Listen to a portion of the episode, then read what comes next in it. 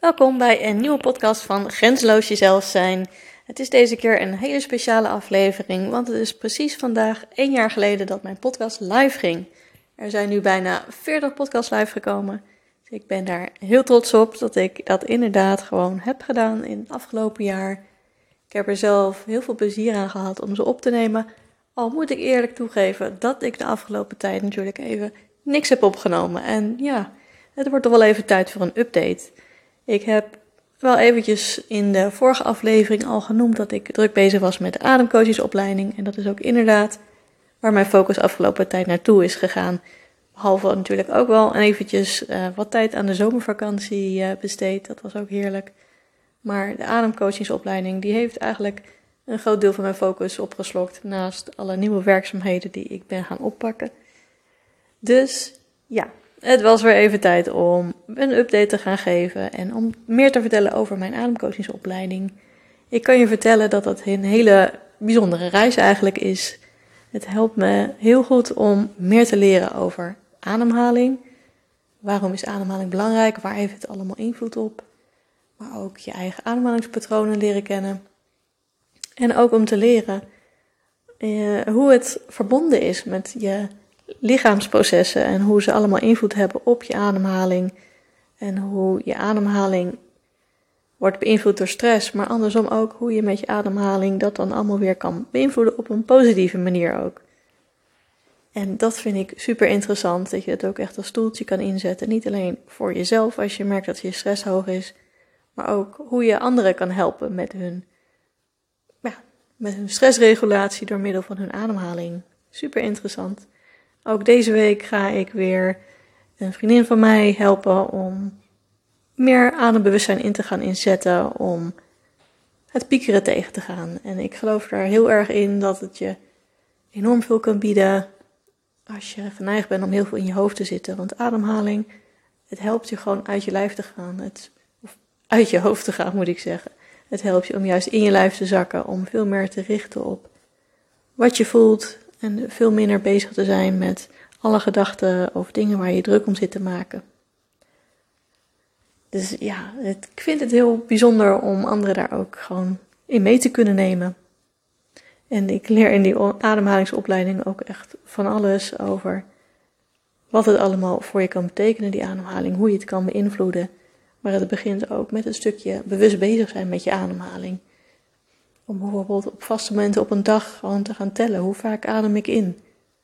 Al dat soort kleine dingetjes kunnen je al zo helpen om gewoon meer rust in je dag te creëren. Om veel meer bezig te zijn met je lijf. Want als je aan je ademhaling aan het tellen bent, ja, dan ben je echt niet aan het nadenken over wat je allemaal nog te doen hebt. Nee, dan is je focus is je ademhaling.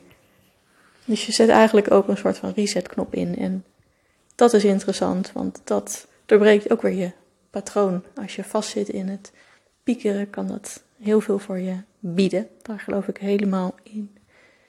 En ik heb ook in het kader van opleiding heb ik laatst ook weer een ademcirkel bezocht. En dat vind ik wel heel bijzonder om mee te maken.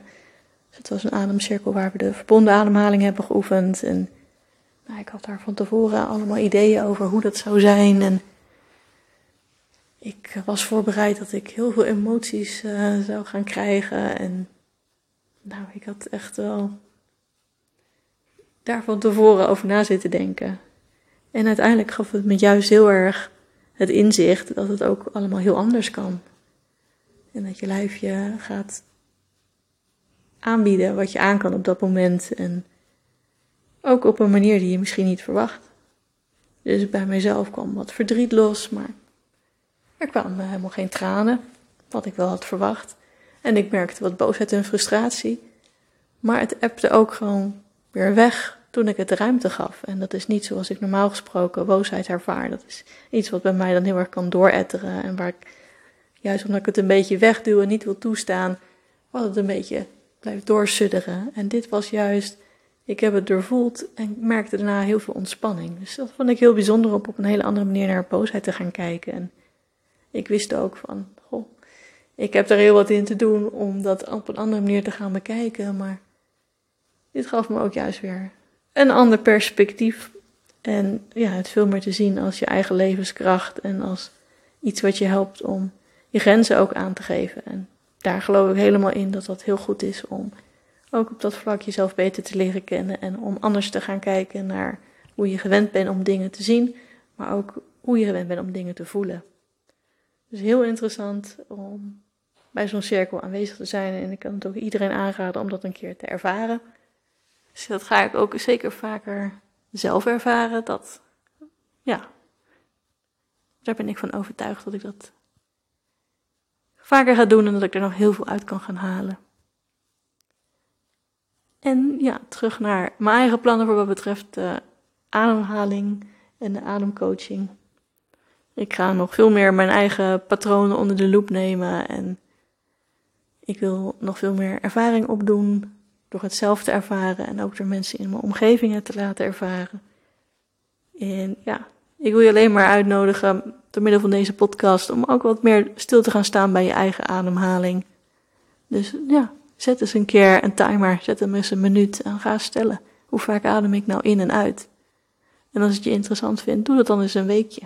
Misschien drie keer per dag. Vaste momenten en kijk wat het met je doet om gewoon op die vaste momenten eventjes bij jezelf in te checken als het ware. Ja, hou er een logboekje van bij voor jezelf en zorg gewoon voor meer adembewustzijn. Want dat kan je een hoop bieden als je merkt dat de, de stress jou te hoog wordt. Al met dat soort kleine dingetjes is het gewoon een hele mooie tool voor meer selfcare. Nou, ik ben heel erg benieuwd ook naar je eigen ervaring met ademhaling, met ademcoaching.